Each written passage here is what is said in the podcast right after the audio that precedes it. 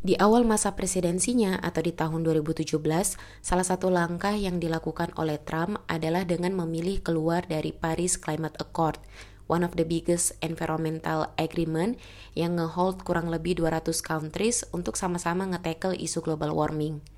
Dua tahun kemudian, di G7 Summit di Prancis, Trump kembali memilih untuk absen di salah satu sesi yang membahas climate, the oceans, dan biodiversity – ketika ditanya oleh salah seorang reporter stance dia terhadap climate change, kurang lebih Trump bilang kayak gini. I feel that the United States has tremendous wealth.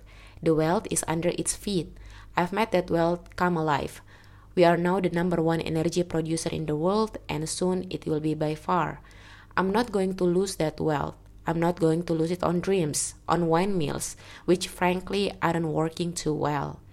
Di satu sisi, kalau teman-teman mungkin masih ingat, di tahun 2018, IPCC atau Intergovernmental Panel on Climate Change itu melaporkan jika kita benar-benar surpassing batas 2 derajat Celcius, maka massive migration, massive wildfires itu bakalan expected di near future. Dan sedihnya, meskipun kita berusaha sekuat mungkin untuk mengembalikan ke posisi awal, bumi kita tidak akan pernah sama lagi. Jadi, apa nih yang harus kita lakukan? Ada tidak insentif dari government, dari USA, dan apakah insentif tersebut visible untuk dilaksanakan sekarang?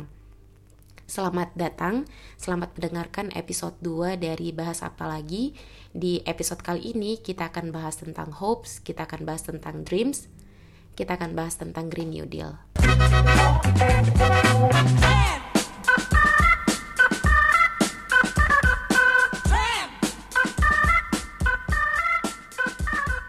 Jadi sebenarnya Green New Deal atau saya singkat GND aja ya, itu bukan konsep yang baru uh, idea tentang insentif government untuk turun serta di isu global warming sudah pernah diusahakan sebelumnya, cuma memang ya as expected belum begitu dilihat sebagai sesuatu yang urgent.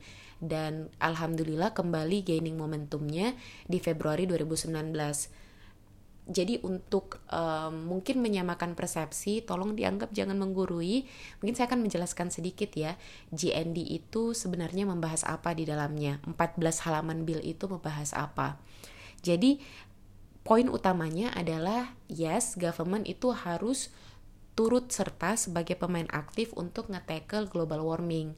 Cuma memang disadari oleh pembuat billnya, ketika kita mau nge-tackle global warming, berarti kita pada dasarnya harus mengubah gimana cara kita berproduksi gimana produksi komoditas ya gimana cara kita produksi komoditas mendistribusikannya gimana cara kita konsumsi di mana kita akan tinggal gimana kita um, akan gimana caranya kita akan bertransportasi dari satu tempat ke lainnya dan ketika kita mengubah sistem ekonomi tersebut sistem atau cara kita hidup tersebut otomatis akan berakibat ada certain groups yang akan kehilangan pekerjaannya.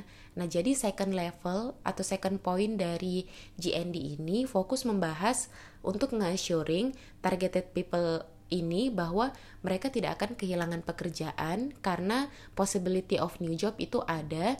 Atau yang kedua government akan menjamin pekerjaan tersebut. Akan ada juga universal healthcare dan segala macamnya. Kemudian level selanjutnya adalah mereka juga menganggap ketika kita mampu mengubah sistem ekonomi dari awal kembali, kenapa kita tidak memanfaatkan momentum tersebut untuk sekalian juga ngedecrease inequality yang sekarang sedang terjadi. Jadi Green New Deal ini awalnya membahas global warming tapi dia uh, menyeret beberapa isu sosial di dalamnya juga. Nah, itu sekilas tentang GND. Mudah-mudahan konsep kita sudah sama semua. Nah, mungkin sebagai tambahan informasi GND ini kan sebenarnya awalnya merupakan ide kemudian untuk menjadi bill dia harus didukung sama uh, anggota representatif anggota HOR nah dalam hal ini kan kita udah tahu Miss Cortez yang uh, salah satu supporting utamanya sama uh, Ed Merley sebagai uh, yang berposisi sebagai senator Nah, di sistem US itu panjang banget sebelum akhirnya sebuah bill bisa pass sebagai law. Dia harus pass dulu di of course di House of Rep Representative, kemudian pass di Senat, kemudian pass di Presiden. Jadi melewati tiga level pass gitu. Dan GND ini waktu bulan Maret 2019 sebenarnya sudah naik di Senat, tapi kemudian di turn down karena ya Senat kan kebanyakan anggotanya Republikan dan kita semua tahu kalau Republikan itu sangat-sangat membasiskan ekonominya terhadap energi dan salah satu misi Trump adalah untuk mengembalikan kejayaan kembali autokar. Jadi ya seperti itulah nasib GND untuk yang paling barunya. Tapi tetap aja spirit dari GND ini menurut saya uh, menarik gitu untuk kita bahas sekaligus possibility-nya untuk diterapkan ke depannya. Apalagi sekarang di USA kan uh, sedang masa persiapan pemilihan untuk next presiden. Jadi itu tadi pengantar dikitnya kita ke sesi 1. Nah, untuk bagian satunya kayaknya penting untuk melihat sebenarnya penyebab kenapa GND ini menjadi meter menjadi penting dan kemudian perlu untuk terus-menerus gitu terjadi, terus-menerus diusulkan maksudnya. Nah, jadi ketika kita membahas mengenai sistem ekonomi atau cara kita berproduksi yang ada sekarang, sepertinya tuh private market itu tidak punya insentif untuk mengubah sistem produksinya menjadi lebih environmental friendly jadi itu kan terlihat ya sebenarnya ketika Arab Saudi dibom oleh oleh siapa? Ayo, oleh Iran atau oleh Houthi. Nggak mau masuk di situ sih, bahaya. Ketika anyway, ketika Arab Saudi di bom kilangnya, kita bisa lihat seberapa paniknya investor, seberapa paniknya orang-orang. Kita tuh langsung melihat harga future dari oil naik, kemudian Amerika Serikat langsung sigap memberikan um, assuring ke masyarakat dunia sekaligus terus menerus nge-approach Arab Saudi bahkan siap gitu kalau misalnya harus menyerang salah satu negara karena masalah tersebut. Jadi sebenarnya memperlihatkan seberapa tergantungnya kita terhadap oil, terhadap gas, terhadap coal dan dengan semua sistem yang telah tersedia di status quo tersebut, private market ya otomatis ya ada dalam posisi nyamannya dan memang dalam posisi tersebut sudah logislah ketika government sebagai yang kita harapannya sebagai rational institution itu harus melakukan intervensi dan harapannya ketika US sebagai you know hegemon melakukan intervensi tersebut ya itu bisa memberikan contoh kepada negara-negara lain. Jadi kita bisa ngikut gitu.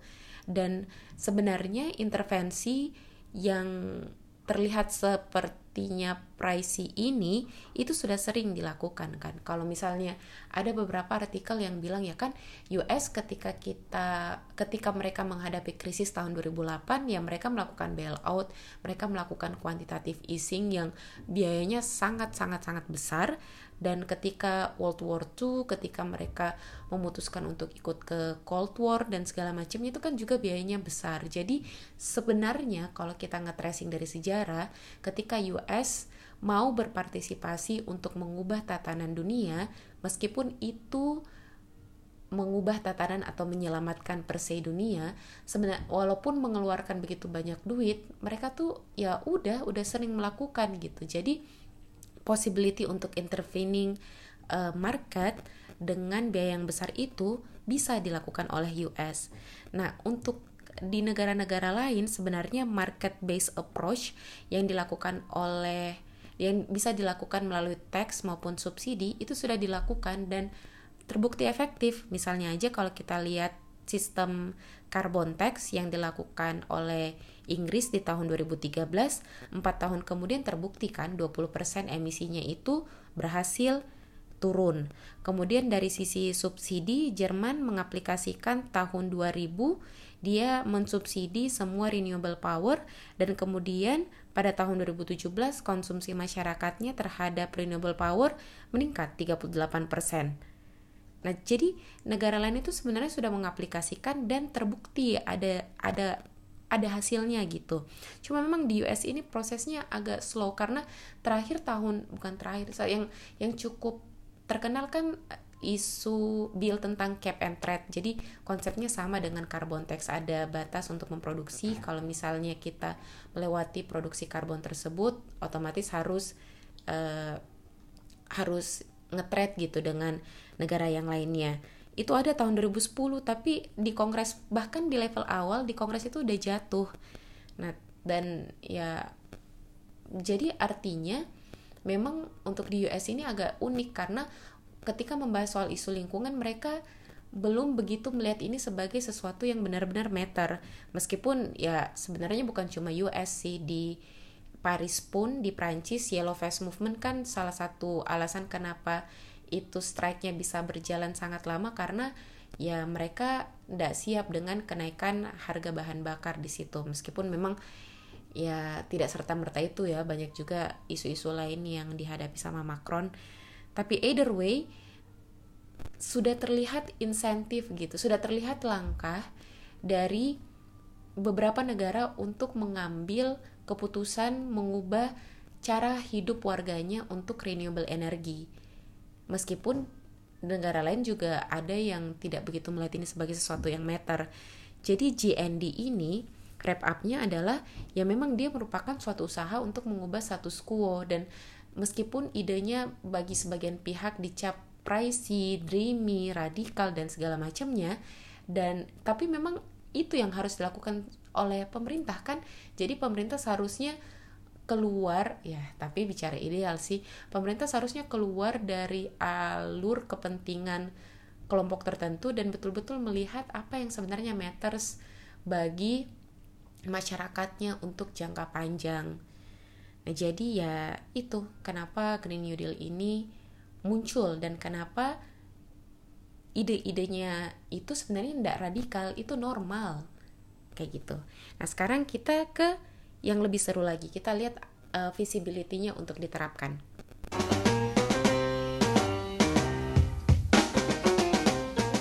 Nah, sekarang kita bahas tentang visibility-nya atau kemungkinan apakah ini bisa diterapkan di kondisi yang ada sekarang. Dan selama presidennya masih Trump, aduh, maafin guys, ini completely no atau jangan deh. Kalau secara diplomatisnya near to zero. Sama aja ya.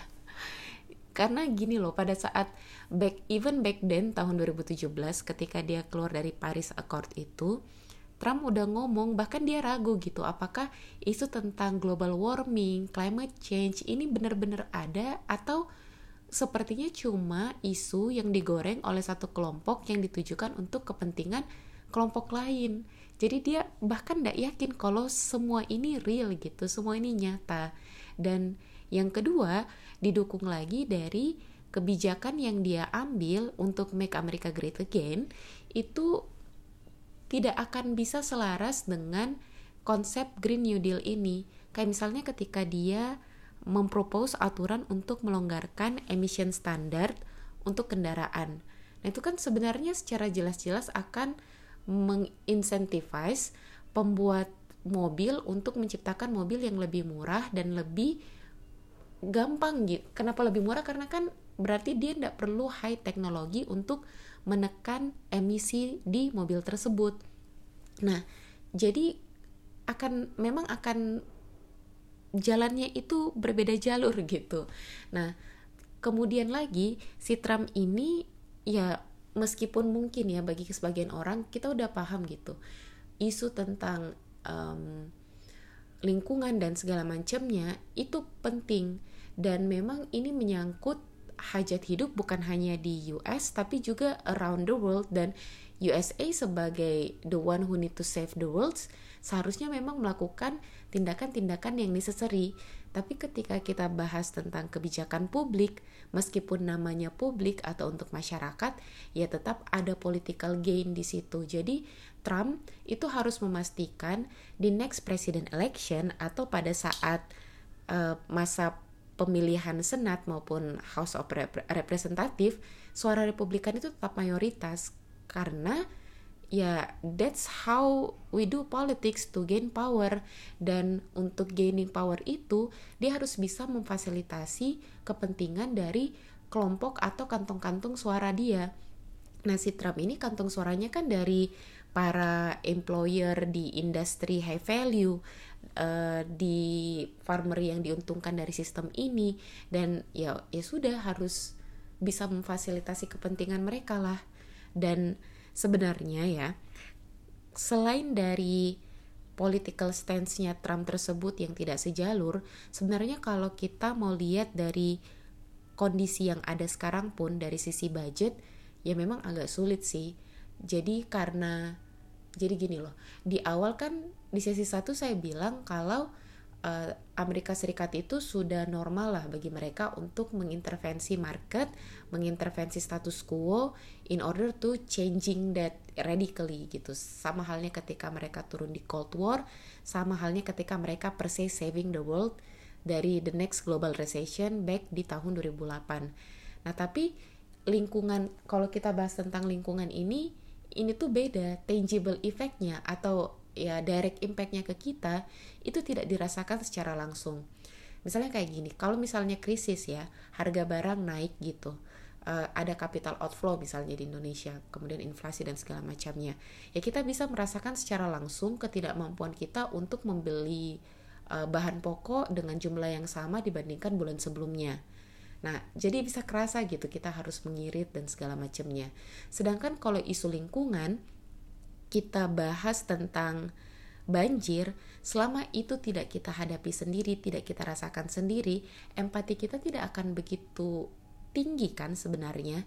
Atau misalnya uh, suhu rata-rata bumi itu meningkat, ya udah kita tinggal meningkatkan apa? Bukan meningkatkan, nurunin derajat di AC kita kan, dan akhirnya tidak terasa lagi bagi kita. Jadi direct impactnya itu tidak begitu terasa ke kita, jadi mungkin karena alasan itu uh, masyarakat belum betul-betul bersatu gitu untuk mendukung deal yang mengarah ke tackling global warming seperti Green New Deal ini. Nah, makanya kemudian ketika ide ini agak nyeleneh, agak aneh dari status quo keseharian, kemudian setelah ditelaah ternyata membutuhkan begitu banyak budget karena kita bicara soal perubahan sistem secara keseluruhan, orang akan mengeluh Nah, the thing is, ketika kita mau mau mendapatkan new budget, pilihan government kan cuma ada dua, either mereka mau loan, mau ngutang, atau mereka mau tax. Di mana dua pilihan ter dua pilihan tersebut kan sebenarnya tidak begitu seret begitu di mata masyarakat, apalagi di tengah tengah masa persiapan um, pemilu gitu sekarang di Amerika Serikat. Kalau misalnya kita mau ngutang, ya kan harus jelas gitu uh, pertujuannya untuk apa. Nah, sedangkan di Green New Deal ini ini baru konsep awal yang tujuannya karena kan cuma 14 halaman ya. Kalau kita lihat deal itu biasanya lebih ya sampai puluhan ratusan halaman. Nah, ini cuma konsep awal untuk menyadarkan semua orang. Jadi kalau kita mau mengubah secara radikal ya siapa yang mengutangin kita dan syarat untuk mendapat utang untuk karena kejelasan roadmapnya sendiri sebenarnya belum ada. Jadi dari sisi loan cut. Nah, sedangkan yang kedua tax nggak mungkin lah Republikan itu mau menaikkan tax karena mereka memang pasti bukan maksudnya sistem uh, cara mereka untuk mendorong pertumbuhan ekonomi ya dengan justru cutting tax. Nah, selain itu, kalau misalnya mereka menaikkan tax di tengah slowing down ekonomi akibat trade war di mana-mana ini itu justru akan lebih mengurangi uh, keinginan orang untuk berbelanja karena mungkin saja akan dikenakan pajak dan segala macamnya. Pajak kan juga berpengaruh langsung gitu ke daya belinya kita. Makin dikit lah uangnya kita. Dan itu bukan langkah yang baik di tengah um, apa namanya di tengah slowing down yang terjadi sekarang ini dan bahayanya lagi kalau misalnya salah perhitungan dikit aja ujung-ujungnya malah meningkatkan unemployment. Jadi memang agak tricky gitu untuk bagian uh, budget source ini. Jadi dari segi visibility Green New Deal ini banyak menghadapi masalah. Pertama dari sisi Trumpnya sendiri uh, political willnya kemudian dari sumber pendanaannya dan ya kondisi dunia sekarang ini. Jadi ya gitu deh dari sisi visibility-nya lanjut ke bagian ketiga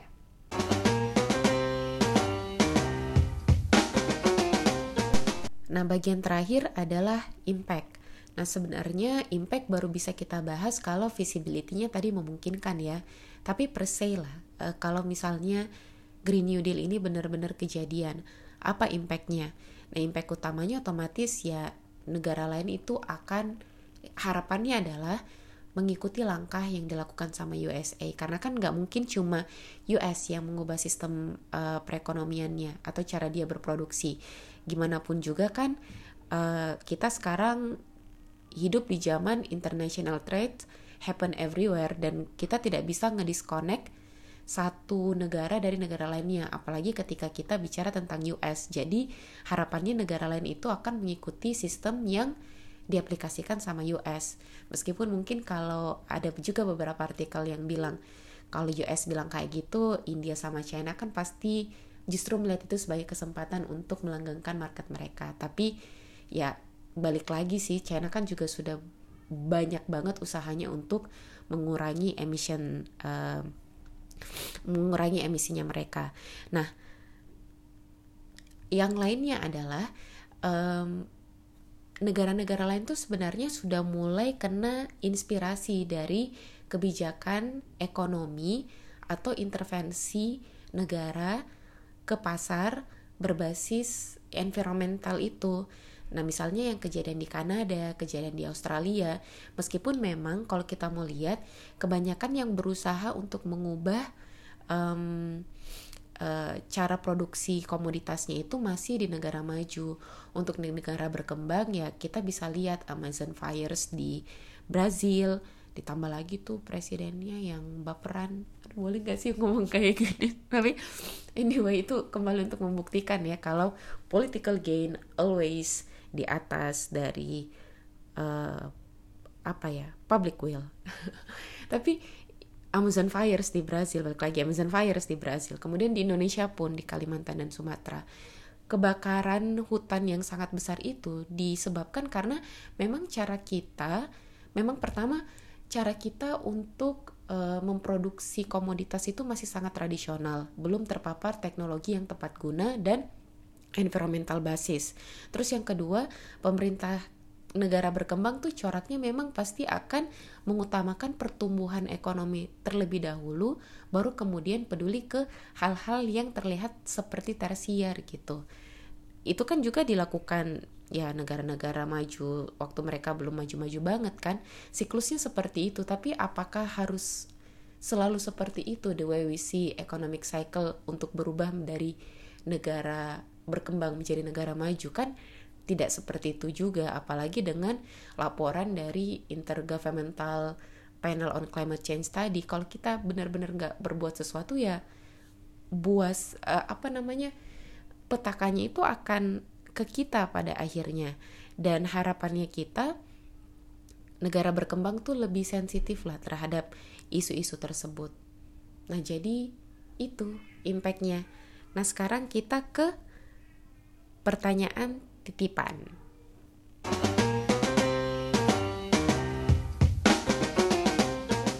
Nah sekarang untuk bagian pertanyaan titipan Kali ini pertanyaannya cuma satu Pertanyaannya itu menanyakan um, sekarang kan sedang masa presidensial persiapan presidensial election. Kalau misalnya Trump turun dan yang kemudian naik Demokrat, Green New Deal ini ada kesempatan tidak untuk rise kembali? Jawabannya kalau saya, saya yakinnya iya sih. Karena kan sekarang udah terdebate dan sudah mulai rigid gitu nama-nama yang menguat yang punya potensi untuk gaining popular votes. Kalau dari rilisnya Wall Street Journal kemarin, yang nomor satu kan Joe Biden, yang kedua Elizabeth Warren, terus Phil DeBurn, Bernie Sanders, terus Kamala Harris dan Mayor Pete Buttigieg yang sebenarnya saya tidak tahu saya aduh lupa untuk ngecek apakah spelling name-nya sudah benar atau enggak tapi untuk Pete aku padamu. Nah, untuk nah uh, balik lagi kalau untuk pada saat Green New Deal ini masih menjadi bill di tingkat repre, itu tuh si Kamala Harris uh, Bernie Sanders dan Elizabeth Warren sudah menyatakan dukungannya ke bill ini. Mereka sudah sign gitu. Jadi mereka sebenarnya sudah setuju dengan konsep pembaruan sistem ekonomi dan segala macamnya Mayor Pitt meskipun bukan anggota HOR maupun Senat tapi sudah menyatakan dukungannya juga secara terbuka untuk GND. Nah, jadi untuk empat kandidat ini saya sih tidak ragu. Cuma mungkin eh tapi nggak juga sih kan nanti main-main politik ke depannya kita nggak tahu ya apakah janjinya akan di betul-betul laksanakan. Tapi yang mungkin agak masih membingungkan tuh si Om Jo ini, Om Jo Biden karena dia kan di antara lima kandidat ini dia yang paling menguat sebenarnya di antara um, pemilih Demokrat. Tapi sebenarnya dia belum mengeluarkan pernyataan yang rigid stance dia terhadap isu lingkungan dan ya sebenarnya normal aja sih dia melakukan itu karena di internal Demokrat sendiri idea tentang GND ini masih banyak clashnya. Jadi ketika dia memutuskan untuk berada di satu pihak yang dia belum benar-benar yakin bisa gaining votes, sebaiknya dia nggak melakukan itu sih karena kalau di internal Demokratnya aja dia nggak bisa uh, gaining suaranya firm itu akan membahayakan dia. Karena kan di sini pertama dia harus belajar dari kasus yang uh, sewaktu Hillary itu kan. Jadi waktu Hillary campaign campaign dia fokus untuk targeted groups gitu. Dan Biden harus bisa menargetkan grup yang lebih inklusif apalagi uh, hal keduanya itu karena dia melawan petahana gitu. Jadi memang strateginya harus uh, lebih jitu gitu. Jadi ya harapannya semoga ya Biden mengikuti uh, stance dari keempat kandidat lainnya. Jadi itu tadi untuk pertanyaan titipan selesai untuk episode 2 mengenai Green New Deal ini. Sebelum menutup saya sebenarnya mau kalau boleh nak jawab dua pertanyaan ya, tapi di luar GND tentang bahas apa lagi ini. Jadi banyak yang menanyakan uh, bahas apa lagi podcast ini? Apakah akan hanya fokus membahas isu, uh, isu HI? Dan approach-nya apakah akan tetap sama? Nah, jawabannya otomatis tidak kan? Karena di episode 1 kita fokus bahas dari sisi kejadian. Nah, episode 2 ini saya coba dari sisi policy analysis. Nah, untuk episode 3 dan selanjutnya bisa saja kita membahas politik nasional, politik regional, keseharian dan segala macamnya. Jadi kalau misalnya ada yang merasa uh, menarik gitu, isu yang menarik untuk dibahas, boleh uh, ditawarkan gitu ke saya. Jadi ditawarkan kayak berasa investor. Tapi ya pokoknya kalau misalnya ada masukan saya orangnya sangat-sangat terbuka kok. Terus yang kedua kok saya jago banget gitu. Bisa ngedit gambar bisa ngedit audio dan segala macamnya. Jawabannya tidak kawan-kawanku. Ini sebenarnya mulai dari logo. Kalau logo dan uh, apa tuh namanya bahan untuk instastory itu shout out to Aufar. Terima kasih sekali sudah dibantu untuk membuatkan logo dan konten uh, untuk selanjut untuk selanjut selanjutnya juga dengan harga yang terjangkau. Terus eh bahkan untuk mic ini pun sebenarnya ini pinjaman teman dan yang memilih lagu opening, lagu peranta, lagu di antara itu juga teman yang menggabung-gabungkan uh, audio-audio yang terpisah itu juga teman yang lain. Jadi ini meskipun yang bicara cuma saya sendiri, ide awalnya juga dari saya, tapi untuk akhirnya bisa menjadi podcast ini benar-benar bantuan dari banyak orang. Jadi ya terima kasih ya untuk teman-teman yang sudah dengan ikhlas bersedia membantu saya. Nah jadi udah udah benar-benar selesai. Eh, mohon maaf kalau misalnya kebanyakan ngomong atau ada yang kurang berkenan pada saat saya cuap-cuap di podcast episode kali ini. Sampai ketemu di episode selanjutnya. Dadah.